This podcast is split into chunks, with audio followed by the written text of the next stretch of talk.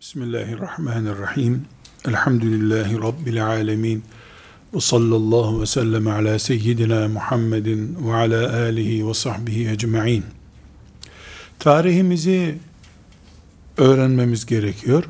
Özellikle Resulullah sallallahu aleyhi ve sellemi onun sünnetini o sünneti bize taşıyan muhaddisleri Kur'an-ı Kerim'i tefsir eden müfessirleri, bu ikisinden bize din hükümleri çıkaran fukahanın çalışmalarını, fakihlerin, muhaddislerin, müfessirlerin Bağdad'ını, Şam'ını, Mısır'ını, Tunus'unu, Kayrovan'ını bilmediğin zaman, sana birisi bir hadis üzerinden münafıklık aşılayabilir. Kuş bakışı göremediğin yerde kaybolman mümkündür. Tarih bilgimiz Müslümanca ve yeterli olduğu zaman kuş bakışı bakarız. Muhaddis Bukhara'dan Bağdat'a niye nasıl gelmiş, gelince ne yapmış, geri dönünce ne olmuş bunu anlarız. İran bugün sünnetin düşmanlık merkezi olduğu halde Müslim ve diğerleri diğer muhaddisler o topraklardan nasıl çıkmış şimdi niye Müslim orada yok? Tarih bilgimiz yani olayları en azından 1400 senelik dönemi kuş bakışı görebilme yeteneğimiz bize bunu sağlıyor. Yoksa tarih ilmi kendi başında bir ilim ve bizim bir hadis dersi içerisinde tarihle çok bağlantımız da esasen yok gibi durur. Ama tarih bilgimizin orijinal olmaması durumunda Resulullah sallallahu aleyhi ve sellemin mahrem hayatı dahil olmak üzere ailesiyle olan ilişkileri, ehli beyt ve diğer ashab-ı kiramla olan ilişkileri, Mekke dönemi, Medine dönemi gibi bu büyük din oluşturan konuları uzaktan seyrederiz. Birilerinin enjekte etmeye çalıştığı şekilde anlarız ashab-ı kiramı Allah'ın seçkin kulları olarak anlamamız gereken bir dünyada bizden önceki hacı abiler olarak anlarız. Onlar da Müslüman, biz de Müslüman gibi demeye kalkar insan. Maazallah. Bizim ümmetimizin büyük alimleri, Salahaddin gibi liderleri, Nureddin Zengi gibi liderleri, ümmetimizin siyaset adamları, Ömer bin Abdülaziz gibi hem siyaset hem fikir adamları, bizim bütün bunları orijinal kimlikleriyle tanıyabilmemiz, dinimizin bize aktarılan sürecini bilmemiz anlamında oluyor. Bu neye benziyor biliyor musun? İstanbullular için örnek veriyorum. İstanbul'u tanıyanlar için çok eskiden beri, ta Osmanlı döneminden beri Terkoz diye bir yerden İstanbul'a su taşınır. Şimdi çok büyük oranda başka yerlerden geliyor su ama İstanbul'da çeşmeden akan suya terkoz denir hala. Markalaşmıştır terkoz. Aslında terkoz e, yani İstanbul'un belki yüzde üçünü bile karşılamıyor suyun. Bilmiyorum değerini de büyük bir şey değil karşıladığı su ama terkoz kesildi diyorlar. Yani çeşmede su akmıyor, evde su akmıyor anlamında. Özellikle de Trakya yakasında, Avrupa yakasında terkoz su kaynağıdır. Öbür tarafta da Ömerli Barajı diye mesela bir baraj vardır. Şimdi biz evimizdeki suyu kullanıyoruz. Terkoz diye bir göl biliyoruz. Ama İstanbul'un terkozuyla benim oturduğum yer 30 kilometre mesela. Bu 30 kilometre su uçarak, vakumlanarak bana gelmiyor. Borularla, kanallarla taşınıyor. Bu kanallar yakın yıllara kadar mandaların yüzdüğü, su içtiği, çocukların yüz, yüzme denemesi yaptıkları e, harklardan akıp gelirdi. İstanbul'da da su içilmezdi. Mikropluydu, arıtılırdı. Sonra belediye kalktı, dedi ki kapattım bunları, kapalı bir şey aldım. Su terfi istasyonlarında ilaçlıyorum bunları zaten dedi. Güvence verdi. Bana aktarılan kaynakları güven içinde olduğu için çeşmeden çay yapacak suyu alabiliyorum ben. Çorba yapacak suyu alabiliyorum ve bunda bir sakınca görmüyorum. Tarih yani Resulullah sallallahu aleyhi ve sellem diye bir nokta var. Medine var, Mekke var. Bana ulaşan kanallar o su kanalları gibidir. Eğer tarih benim açımdan hijyenik değilse, ben filanca Hamber denen birisinden, bir İtalyandan, bir Avusturyalı tarihçiden duyulmuş sözleri eğer benim peygamberimi aleyhissalatü vesselam ve ashab-ı kiramı ve ümmetimin Ömer bin Abdülaziz'ini, Selahaddin'ini, büyük adamlarını, Tunus'u, Endelüs'ün fethini, Tarık bin Ziyad'ı, bu ümmetin düşmanı olan insanların yazdıkları kitaplardan, e, verdikleri tarih bilgilerinden, rivayetlerden öğrenmeye kalkmam halinde, neden adam iman etmediği bir peygamberin sevgi taşımadığı bir ashab-ı kiramın e, özellikle de lider kadrosunun isimleri hakkında neden bana sempatik gelecek şeyler anlatsın ki? Niye adam buna kendisini mecbur hissettin? Şunu tabi bir sakız olarak ben çiğnemiyorum. Bilimsel gerçekler. Ya Allah ıslah etsin bütün Müslümanları. Kafirin bilimsel gerçeği olsa Allah'a iman ederdi ya. Ne biçim bilim ki bu Allah'ı bulmuyor bir türlü. Vicdansız bir insan yani iman etmediği için ebedi cehennemde kalacağını bildiği halde Allah kabul etmeyen birisi üç günlük bir akademik tez yazacak diye bilimsel gerçekmiş. Bilimsel gerçek. Gerçi en büyük gerçek Allah'tır ve İslam'dır. Onu bulamayanın hangi gerçeği olur? Dip notunda büyük rakamlar varmış. Filan kütüphanedeki eseri redekte etmiş. Etmeseydin kardeşim. Senin imanına ve cennetine sebep olamamış bir gerçek gerçek değildir ki senin için. Bu sebeple tarih, bilimsel gerçek, tarihi bilgiler, e, işte yazılı dokümanlar filan bu tip şeylere aklımız tok olmalıdır. Tarihimiz bize ait olan tarih. Çin'de bilmem neyin nasıl icat edildiği, nasıl yapıldığına dair tarih insanlık araştırsın. Ama benim dinimle yüzde yüz bağlantılı bir konuda tarih, benim dinime iman edenlerin tarihi olacak. Bir önceki derste ayrıntılı bir şekilde tarihçinin kimliği üzerinde konuştuk. Aksi takdirde ben ondan Bağdat'ta akan Dicle Nehri'nin işte uzunluğu hakkındaki bilgiyi alırım. Ama e, Bağdat'ta yaşayan Ebu Hanife rahmetullahi aleyhe ait bilgiyi almam ondan. Bana o Ebu Hanife'yi tanıtamaz. Ebu Hanife'nin iman ettiği Allah'a iman etmiyor ki.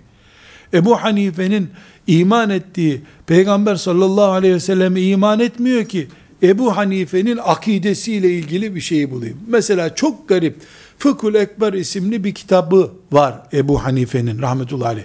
İmanla ilgili bir kitaptı. Temel imanla ilgili. Yani büyük oranda ona ait olduğunu düşünüyoruz. Bizzat onun yazdığına dair elimizde henüz oryantalistler yani kafirler onun yazdığına dair bir belge vermedikleri için bize onun yazıp yazmadığını tam bilmiyoruz ama onun talebelerine ait en azından onun verdiği derslerden yazılmış akide ile ilgili bir kitaptır. Yani Fıkhül Ekber'i bir İtalyan redakte edecek, kütüphaneden bulacak. İşte şu nusasında böyle yazıyor, bu nusasında böyle yazıyor. Şu nusada bu nusada çelişki var diyecek. Biz de ona göre Ebu Hanife'yi imamımız olan bir zatı tanıdığımızı düşüneceğiz. Bunu kabul edemeyiz. Bırak redaktesiz kalsın kitaplarımız. Din olan, iman olan bir şeyi bir kafirden öğrenmek zillet olur bizim için. Elbette bunu Müslüman alimler niye yapmıyorlar? Talebelerin işi ne kardeşim? Talebeler bunu halletsin. Halletmeseler mesuldürler. Bunu konuşmuyoruz. Cahilliğimizin veya tembelliğimizin faturası imanımıza dayanıyor. Bu derdi konuşmuyoruz. Bu ayrı bir mesele. Her halükarda biz tarihi bilgileri Müslüman, İslamca düşünen, Allah'tan korkan, akıbetinin cennet olması diye bir derdi olan müminlerden öğreniriz. Kafirlerden öğrendiğimiz tarih bizi Allah'tan soğutabilir.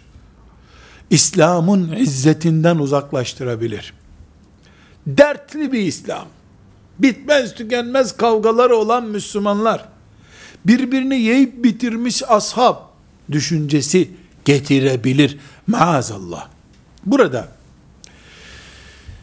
kafirlerin yazdığı tarih diye bir cümle kullandım. Onun alt satırı gibi bir cümle daha kullanmak istiyorum. Kafirlerle kafir mantığı taşıyan Müslüman arasında fark yoktur. Bunu örnek üzerinden götüreyim. Resulullah sallallahu aleyhi ve sellemin hanımı, en genç hanımı olan, bizim de analarımızdan daha anamız olan, Aişe binti Ebi Bekir radıyallahu anhuma. Bir Hristiyan, Yahudi, Mecusi, müşrik, oryantalist, laik, kimse, Ayşe anamızın bu ümmetin anası olarak övülmesinden zevk alır mı? Ayşe anamız bu ümmetin çocukları gözünde kendi anasından daha değerli bir yerde dursa bundan kafir memnun olur mu? Bir İtalyan oryantalist ben iman etmiyorum Muhammed'e ama onun insanlığı Ayşe'nin kadınlığı buna canlar kurban yahu der mi ya? Bunu Müslümanlara konferans verirken bile demez. Yapacağı en iyi şey nedir? En iyi yapacağı şey, çok saygın birisi, tarihte önemli bir yeri var der bırakar. Anam demez Ayşe için hiçbir zaman. Ben ise manevi kimliği açısından biyolojik değil, annemle karşılaştırmaktan bile utanırım Allah'tan. Ümmül müminin, müminlerin anası olduğunu Allah söylüyor. Kur'an'la sabit. Benim, benim anam, doğduğum anamın, benim anam olarak anılması nüfus bilgilerine göre. Bir yeri nüfus kağıdıyla sabit, öbürü Kur'an'la sabit benim anam olduğu. Kur'an farkı kadar, Kur'an'la nüfus kağıdı arasında ne kadar fark varsa, benim anamın manevi kimliği açısından, anam olmasıyla Ayşe radıyallahu anh'ın anam olması arasında bu kadar fark var. Biyolojik olarak anam Allah'tan sonraki kimliğim benim. Ayrı bir konu. Biri nüfus kağıdı ile belgeli, biri de Kur'an'la belgeli. Ben müminim çünkü. Elhamdülillah. İnşallah müminim demiyorum. Müminim. Allah'ın lütfu keremiyle müminim. O da benim anam benim anam olduğu da Kur'an'la sabit. Çok güçlü bir belki. Ben bu şekilde bakıyorum. Kafir asla böyle bakmıyor. Bu yüzden kardeşlere sık sık tavsiye ediyorum. Mesela bazı kitaplar İslam'da çevre bilinci. İslam'da kadın hakları. Çirkin bir ifadedir bu. Ne demek İslam'da? İslam'da. Amerika'da filan fabrika der gibi bir şey bu. Benim Fabrikam demiyorsun. Amerika'da fabrika diyorsun. Çin'de Çin Seddi diyorsun. Çirkin bu ifade. İslam'da çevre bilinci olmaz. İslam'da kadın olmaz. İslam'ımızda filan konu. İslam benim çünkü.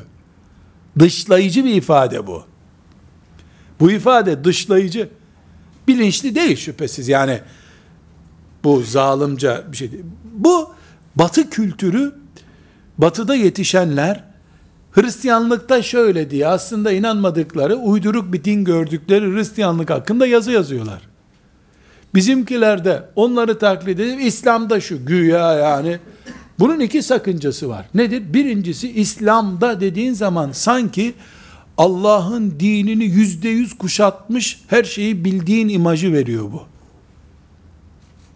Senin 5 senelik 10 senelik çalışman İslam'ın tamamını kuşatmamış olabilir. Dinimizin filan konudaki hükmü diyerek sahiplen bunu. Mesela dinimize göre çevre bilinci ifadesiyle İslam'da çevre bilinci aynı kavramlar değil. Hepimiz Türkçe konuşuyoruz. Ben Hristiyanlık hakkında bir şey konuşurken Hristiyanlıkta papazlık diyorum mesela. Hristiyanlık anlayı. Bizim ne güzel bizde yok çünkü. Soğuk. Buzdolabı ifadesi bu. Buradan tekrar bu dipnottan yukarı çıkıyorum şimdi. Yani biz anamız diyoruz. Ayşe için radıyallahu anha. Ya ne anası ya? Analarımızın anası.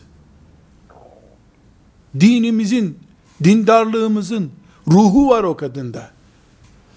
Bunu kafir hiçbir zaman böyle anmaz. Anamaz. Münafıklık olsun diye dahi yapmaz bunu.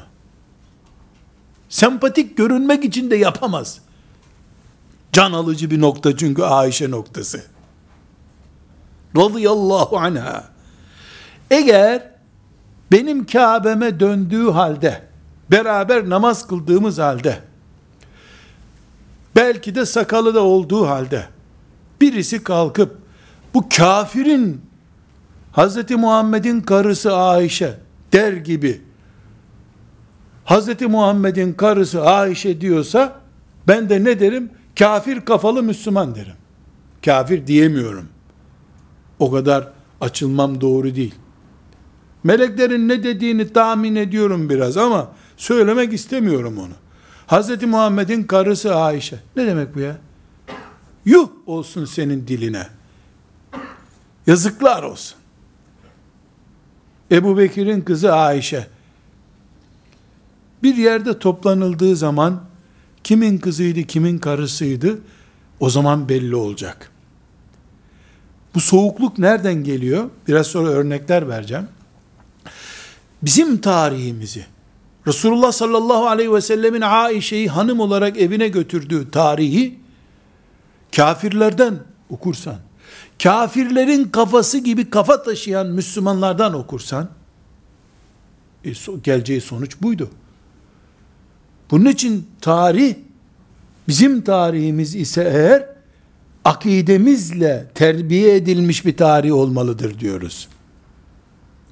Benim akidemin harkında akmayan tarih, hijyenik değildir. Ondan yaptığın çay mikrop taşır. Bu hassasiyetimiz imanımızdan kaynaklanıyor. Irkçılığımızdan kaynaklanmıyor. İslam bir ırk değildir çünkü dindir. İslam dindir. E dinimizden kaynaklanan hassasiyetimizdir bu.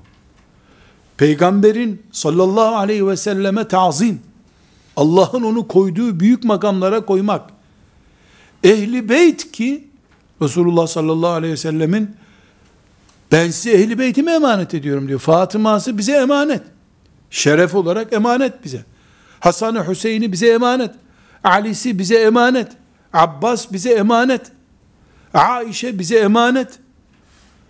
Bir peygamberin sallallahu aleyhi ve sellem bir peygamberin yüzde yüz cennet sebebi olduğunu bildiği halde Müslüman, hanımına dil uzatır mı ki biz bakın, bir örnek vereceğim, Ayşe'yi konuşuyoruz, bir örnek vereceğim. Lut aleyhisselamın, İbrahim aleyhisselamın amca çocuğu değil mi, kuzeni, büyük bir peygamber, Kur'an-ı Kerim'de kaç yerde adı geçiyor, karısı, Nuh aleyhisselamın karısı, ulul azm peygamber Nuh aleyhisselam karısı Kur'an diyor ki mendebur kadınlar bunlar. Peygamberliklerine zulmettiler. Nuh aleyhisselamın burnundan getirdi karısı. Lut aleyhisselamın hayatını burnundan getirdi.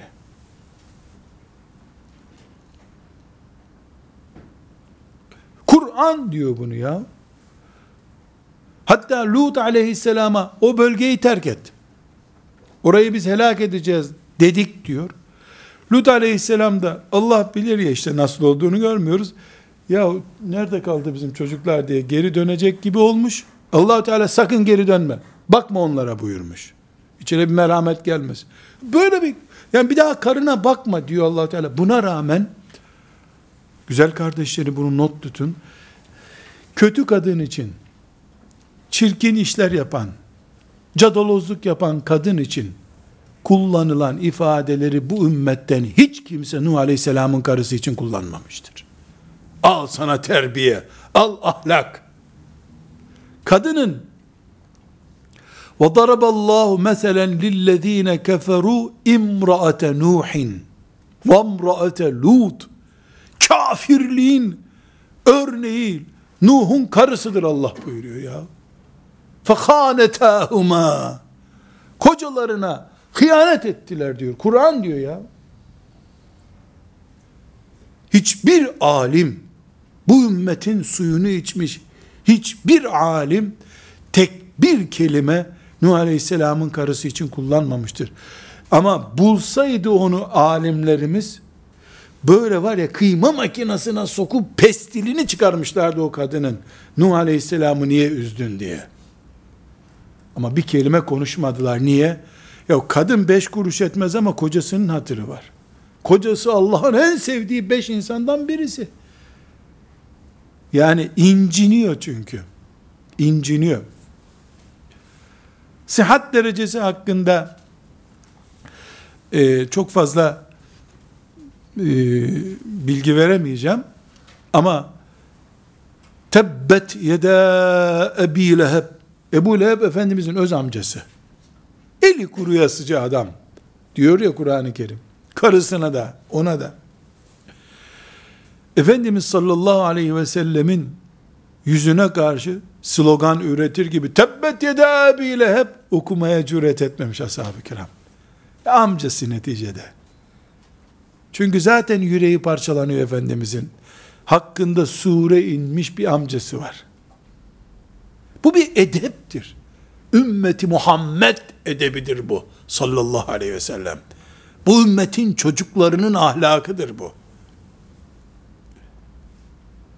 Bu ahlakı koruyamayan insan, peygamberin karısı Ayşe, eyvah o dilinden Allah seni sürükletecek cehennemde haberin yok. Peygamberin karısı Ayşe. Şu örneğimi unutmayınız kardeşlerim. Nuh Aleyhisselam'ın karısı için bile bir tek kelime kullanmaz. Ayette fekhanetahuma hıyanet ettiler diyor ona. Bu cinsel hıyanet değil ama. Davalarına hainlik yaptılar. Her halükarda Allah bu kelimeyi kullanıyor. Yani hainlik ettiler peygamberlerine. İki büyük peygambere ama al aşağı ver yukarı böyle bir çölde bir bedevi ismi anılıyor gibi isimleri anılmıyor. Neden? Onun beş kuruş kıymeti yok. Cehennemde böyle nasıl yandığını bile tasavvur edemeyiz. Yaptıkları delilik, hıyanet, nankörlük, sıradan bir gavurluk değil ya. Lut aleyhisselamın karısı, Lut aleyhisselamın mücadelesini yaptığı ahlaka ters reflekslerle cevap vermiş. Kışkırtmış insanları. Bir peygamber gidiyor bir kapıya, Allah'tan korkun. Allah'tan korkun. Etmeyin yahu diyor. Öleceksiniz, dirileceksiniz kıyamet günü. 10 dakika sonra gidiyor. Bizim meczup uğradı mı buraya diyor. Bizim meczup buraya uğradı mı? He uğradı.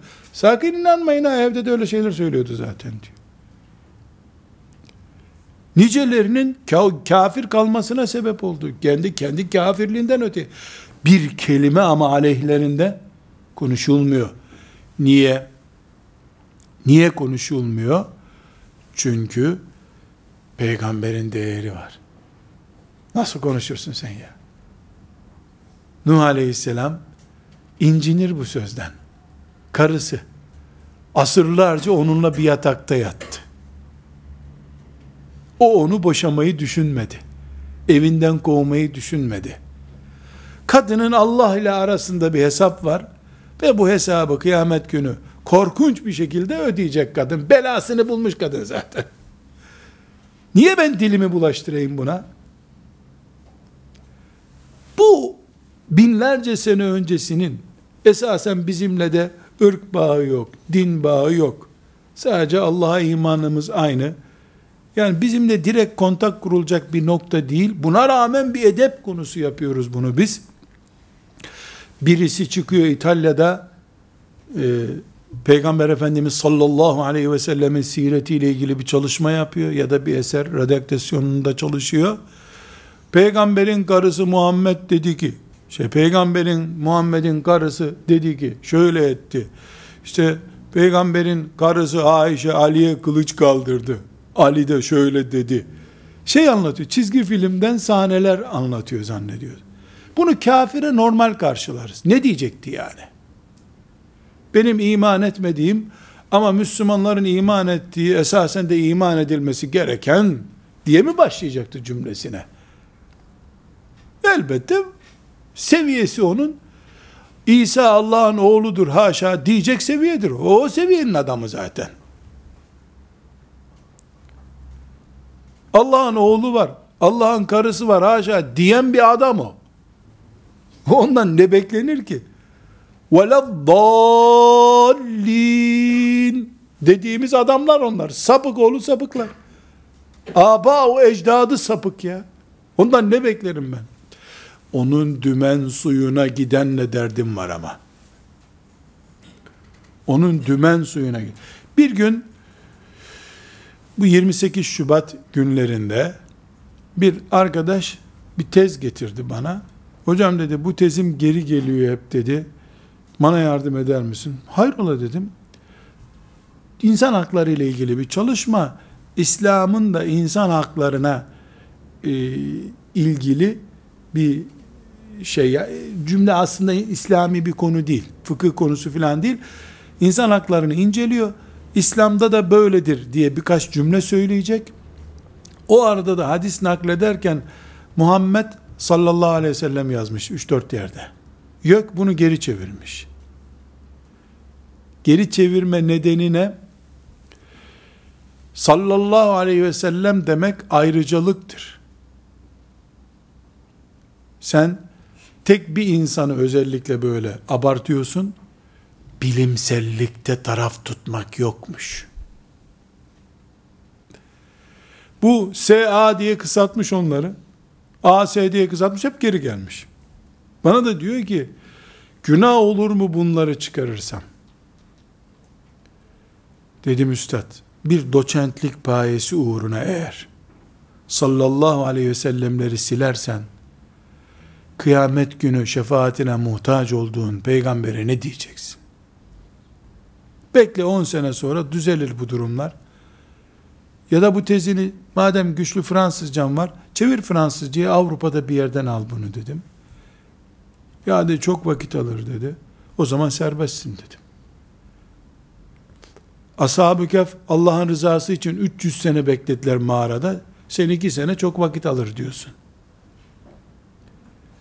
Peygamberim için aleyhissalatu vesselam fedakarlık boyutum benim imanımla ilgilidir. Sadece do doçentlik tezim gecikecek diye sallallahu aleyhi ve sellemi silen bir kaleme lanet olsun.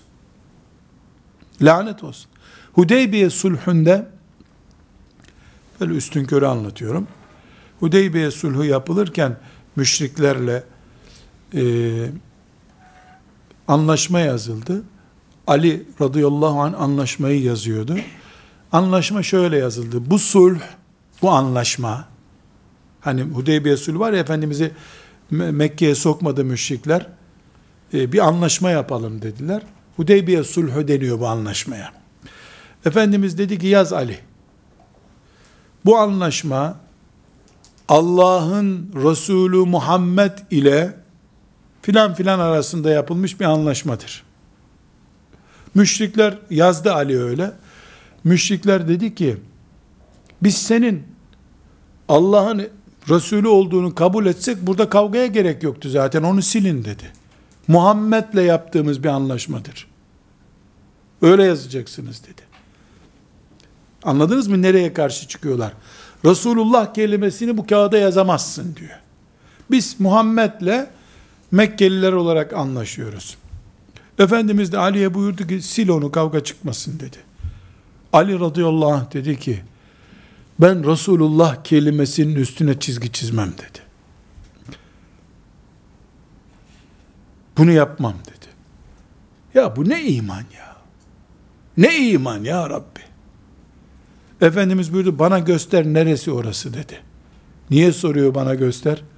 Okuma yazma bilmiyor çünkü. Hangisi Resulullah yazıyor? Ali radıyallahu anh gösterdi burası. Efendimiz sildi onu. Bu hassasiyeti olan bir ümmetiz biz. Sen kalkacaksın. Bu ümmetin yüreğinde çiçekler açmış bir sevdayı Muhammed'in karısı Ayşe diye gavur gibi konuşacaksın. Ben de sana derim ki kafasında gavurluk mikrobu bulunan adamsın sen. Müslümanlığına bir şey demiyorum. Çünkü kanserli insanlar da yaşıyor. Beyninde ur var ama yaşıyor. Hemen urla ölmüyor insanlar. Demek ki böyle bir sorun olabiliyor. Beyinde uğurlu olabiliyor. Sonu ne olur bunun? Onu Allah bilir. Bilmiyorum. Burada bazı örnekler zikretmek istiyorum. Neyin örneği? Tarih bize gelirken Müslüman mantığıyla, mümin şuuruyla yazılmış tarih olmazsa eğer o zaman bu tarih akidemize mal olur. En başta Resulullah sallallahu aleyhi ve sellem olmak üzere ashab-ı kiram bu ümmetin önder kadrosu bize kötü adam olarak anlatılır. En iyi bileceğiniz örnek Abdülhamid Han'dır rahmetullahi aleyh. bu ümmetin şuurunu taşımayan, sadece İstanbul'da bir iki medreseden icazet almış ve böylece alim olmuş adamlar, Abdülhamid'i yanlış tanıdılar, yanlış tanıttılar. Abdülhamid'in ümmetin son nefes borusu olduğunu anlayamadılar. Tuttular, Abdülhamid'e düşmanlık yaptılar.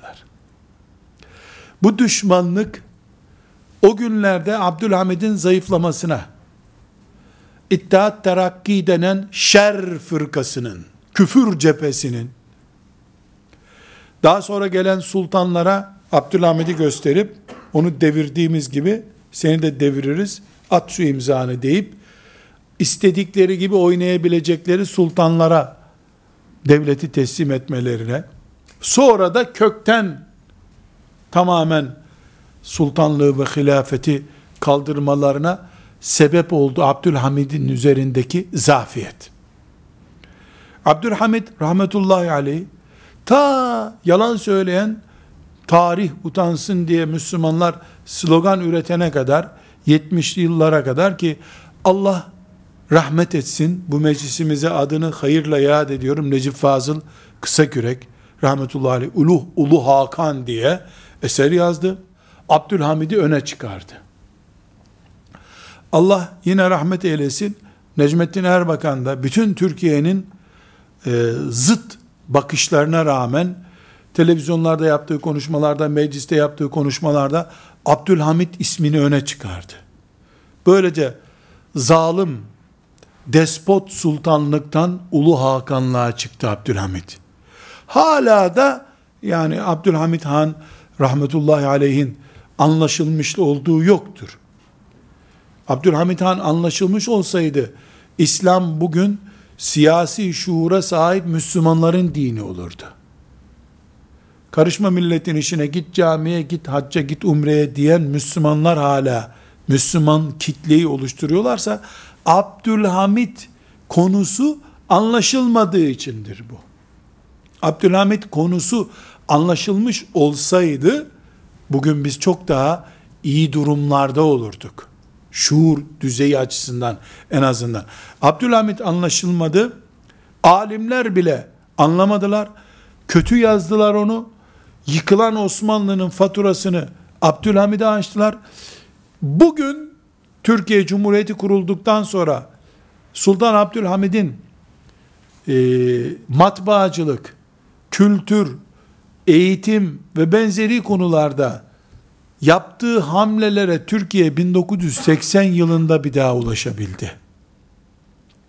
Hala Sivas Lisesi, Erzurum Lisesi, Sultan Abdülhamid'in açtığı okullardır. Hala kullanılıyor ve muteber liseler onlar. Basılı eserlerden tut, kültür kafası açısından Abdülhamid'in düzeyine rakamsal olarak 80'li yıllarda ancak yetişebildi Milli Eğitim ve Kültür Bakanlığı. Ama e, ruh olarak birkaç asır sonra gelir bu gidişle herhalde. Bizim kurbağa yürüyor çünkü. Yürüyecek de yetişecek. Bu sebeple Abdülhamid'in yanlış anlaşılması, tarihin onu yanlış e, bize lanse etmesi, bugün bizim Abdülhamid isminin etrafında incelediğimiz bir tarihimiz açısından geri kalmışlığımızın, Müslümanlık olarak olayları idrak düzeyimizin basit kalışının nedeni oldu. Allah Abdülhamid'e de onun ismine yanlış bakanlara karşı mücadele eden mümin önderlerimize de rahmetler eylesin. Bunu konumuz Abdülhamid değil, hadis dersiyle de bağlantılı değil ama bir sonraki derste vereceğim örneklerden anlaşılacak ki işte Abdülhamit çok yakın bize. Ondan daha yakını Erbakan, Necmettin Erbakan'dır mesela. Necmettin Erbakan da yaşadığı zamanda anlaşılamadı. Ne dediği anla, adamın anla, masal anlatıyor zannedildi. Kullandığı kavramlar uçuk kavram halinde algılandı. Yani o böyle hayali şeyler konuşuyor. Dünyayı tanımıyor gibi algılandı.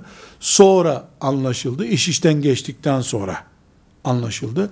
Bu yakın isimlerden anlıyoruz ki biz Ayşe anamızın e, Ali radıyallahu anh ile Muaviye radıyallahu anh arasındaki sürtüşmeyi gidermek için Talha ve Zübeyir radıyallahu anh'ı da yanına alarak sulh yapmak için gittiği yerde münafıkların provokasyonuyla ortaya çıkan kavga, Cemel vakası dediğimiz vaka, kafirlerin yazdığı tarih, kafir kafası taşıyanların yazdığı tarih yüzünden, sanki Ayşe anamız fitne çıkarmış gibi anlaşıldı.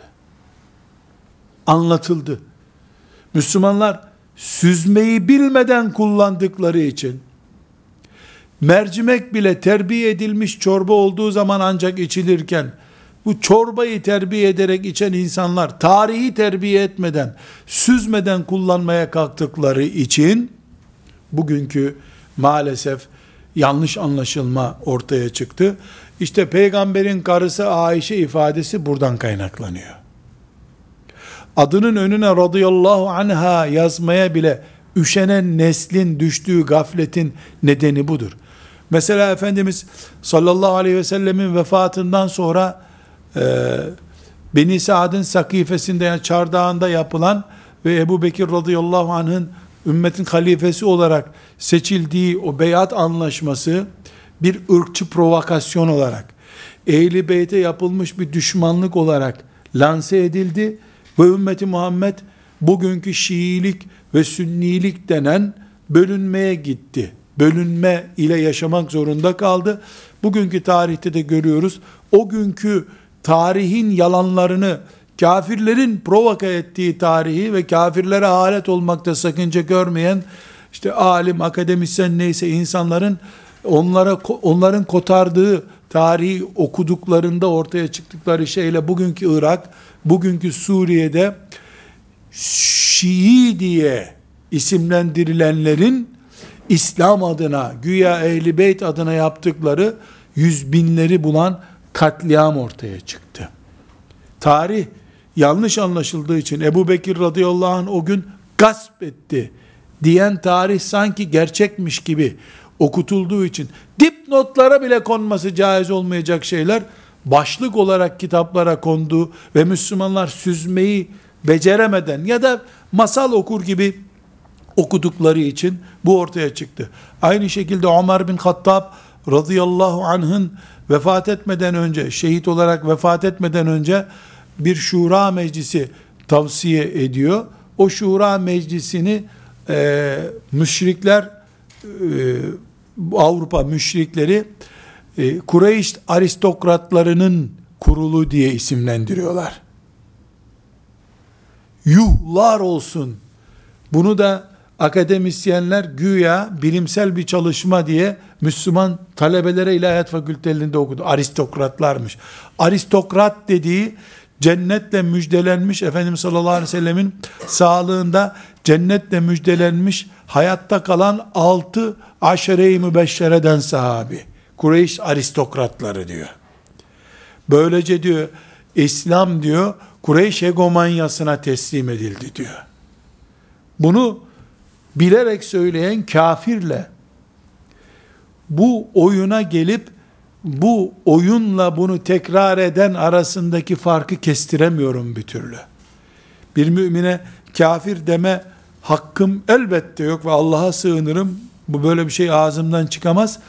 Ama e, Kureyş aristokratları dediğin nesil kıyamet günü ümmetin önünde duracak altı kişi. Benim adamlarım diyor Resulullah sallallahu aleyhi ve sellem. Değil Ömer bin Hattab'dan sonra o altı kişiye hilafeti teslim etmek, şu yer küre, feza, uzay boşluğu, güneş, şu mahlukatın, Allah'ın yarattığı mahlukatın tamamı, o altı kişinin altısına değil, bir tanesine vallahi feda olsun.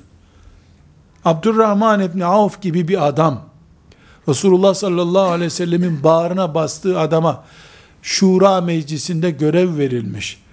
Yani Şura meclisi nedir la? Altı oydan bir oyu var. Osman İbni Affan oradaki altı oydan bir oyunun sahibi. Ali o altı oydan bir tanesinin sahibi. Ömer Kureyş aristokratlarına görevi devretmiş.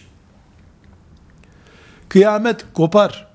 Mahşer yeri kurulur Herkesi Allah sevdikleriyle ve yüreğinde hasretini taşıdıklarıyla diriltir. Biz o aristokrat dediklerinin yanında oluruz inşallah. Herkes sevdiğiyle beraber olacak. Bunda hiç asla şüphemiz yok. يَوْمَ نَدْعُوا كُلَّ اُنَاسٍ بِاِمَامِهِمْ Herkesi önder gördüğü kadroyla dirilteceğiz. Rabbim beni o aristokrat dediklerinle dirilsin. Her seveni sevdiğiyle diriltecek. Sen de Avrupa'nın aristokratlarıyla o benzetme yaptığın adamlarıyla dirilirsin. Görürsün neresi neresidir o zaman. İnsan bunu böyle diyor. Şimdi ben bunu söylüyorum. Kureyş aristokratları diyorlar diyorum. Bunu derken bile içim sızlıyor. Yani böyle dedik gavur demeye bile içim sızlıyor. Sen güya bir Müslüman, güya bir öndersin. Güya bir kitap yazıyor beyefendi ve kullandığın ifade ümmeti Muhammed'in en göz bebeği altı insanı yaralıyor altı insanı yaralıyor. Yani sıradan bunlar hac yapmış çok değerli hacı efendi değiller. Resulullah sallallahu aleyhi ve sellem ona en yakın on kişiye cennet vaat etmiş bu hayatta. Yaşarken siz cennettesiniz demiş. Bu ne demek? Niye? Bunlar akrabaları olduğu için değil herhalde. Akrabası olduğu için değil. Ya niye bunu vaat etmiş? Çünkü Efendimiz sallallahu aleyhi ve sellem görüyor ki İslamiyet bu 10 kişinin hizmetinden çok istifade etti. Bugün Kur'an varsa, bugün peygamber varsa, aleyhissalatü vesselam bugün haccımız namazımız devam ediyorsa bu adamların taşın altına elli koymasından oldu. Allah öyle murad etti. Allah kimseye haşa muhtaç değil ki Allah. Yani kime muhtaç ki? Kureyş'ten on kişiye muhtaç olacak Allah. Kainatın tamamı Allahu Teala için nedir ki? Kureyş ne olacak? İslamiyet'i Allah isteseydi bir gecede bütün mümin insanların iman ettiği din haline getirirdi. Niye Allahu Teala e, böyle murad etti? Bir bildiği var, bir hikmeti var. Bu on kişiyi öne çıkardı Allah. Peygamber Efendimiz de onları taltif etti aleyhissalatü vesselam. Yani meselemiz Kureyş aristokratları denmesi meselesi. Kafa bu kafa olunca peygamberin karısı Ayşe dersin. Kureyş aristokratları dersin. Beni Ümeyye, Ümeyye Emevi dönemi mesela, Beni Ümeyye Emevi çocukları manasında şüphesiz zulmün ayyuk olduğu yani ciddi bir şekilde zulmün yapıldığı, Allah'ın şeriatının haram dediği şeylerin yapıldığı bir dönemdir Emevi dönemi. Ama hiçbir zaman İslam'ın yok sayıldığı bir dönem değildir. Bu çok önemli bir çizgidir. Emevi dönemi haramların işlendiği dönemdir. Başta insan katli olmak üzere. Ama İslam'ın yok sayıldığı bir dönem değildir. Şimdi mesela Müslümanlar Türkiye topraklarında rahat bir ortamdadırlar. Ama bu rahatlık laiklik idrakinden geliyor. Solculara, Hristiyanlara, azınlıklara ve Müslümanlara hürriyet veriliyor. Emevi dönemi ve Müslümanlara hürriyet verilen dönem değildir. İslam'ın sancağının olduğu bir dönemdir. Öbürlerine misafir muamelesi yapılan bir dönemdir. Gelişi güzel Şam sokaklarında öyle hak, hukuk filan diye açık başlı bir kadının dolaşmasının mümkün olmadığı bir dönemdir. Dolayısıyla İslam azizdir. İslam yücedir. Bu yüce dönemde İslam'ın yasakladığı suçlar da işlenmiştir. İnsanoğlunun kaderidir bu. Medine'de Resulullah sallallahu aleyhi ve sellem sağ iken, İslam'ın sancağı dikilmişken de suçlar işlendi. 10 binde birdi bu suç oranı. Ee, Emevi döneminde binde bire yükseldi birdenbire. Son zamanlarında daha da arttı, yüzde bire yükseldi suç işleme oranı. Bu rakamlar sanal rakamlar, bilerek hesap edilerek söylenen rakamlar değil. Abbasiler döneminde daha da arttı. E Osmanlı döneminde de arttı ama sancak İslam'ın sancağı. Bugün Türkiye'de İmam Hatibinden vesairesine kadar hürriyetler var. Laikliğin lütfettiği hürriyetler var. Laiklik lütfetmiş. İslam'ın kabzasındaki bir hürriyet değil bu. Dolayısıyla biz e, bugün lütfetmeseler iktidar değişse, iklim değişse İslam'ı da kökten kaybedeceğiz. İnsan hakları varmış. Kim bu hakları bana lütfetmiş? Ay çok sağ olsun. Kim bu lütfeden beyefendi? Birinci ve ikinci Dünya Savaşı'nda iki milyon insan katleden yamyamlar sonunda savaşacak güçleri kalmamış. Çok adam öldürdük. Bir insan hakları beyannamesi lütuf buyurmuşlar. İnsan oldukları için değil. Adem'in çocuğu olarak bizi gördükleri için değil. Öyle bir beyanname olmazsa 3. Dünya Savaşı patlak verecek. Tekrar bir 3 milyon 5 milyon insan ölecek. Korktukları için milyonlarca insanın katilleri insan hakları evrensel beyannamesi hazırlamış. Laikler rahat keyif sürsün diye bana da başörtü takma hakkı lütfedilmiş. O başka şey. Bunu neye konuşuyoruz biz? Günlük siyasi yorum yapmak için değil, şunun için. Emevi dönemi, kafirlerin kafasına göre, kafirlerin aktarımına göre bakıldığında sadece zulmün olduğu bir dönemdir. E okuduğun Kur'an nasıl geldi sana madem İslam'a zulüm yapıldı? Bunları birkaç madde olarak inceleyeceğiz inşallah. Sallallahu ve sellem ala seyyidina Muhammed ve ala alihi ve sahbihi ecmain velhamdülillahi rabbil alemin.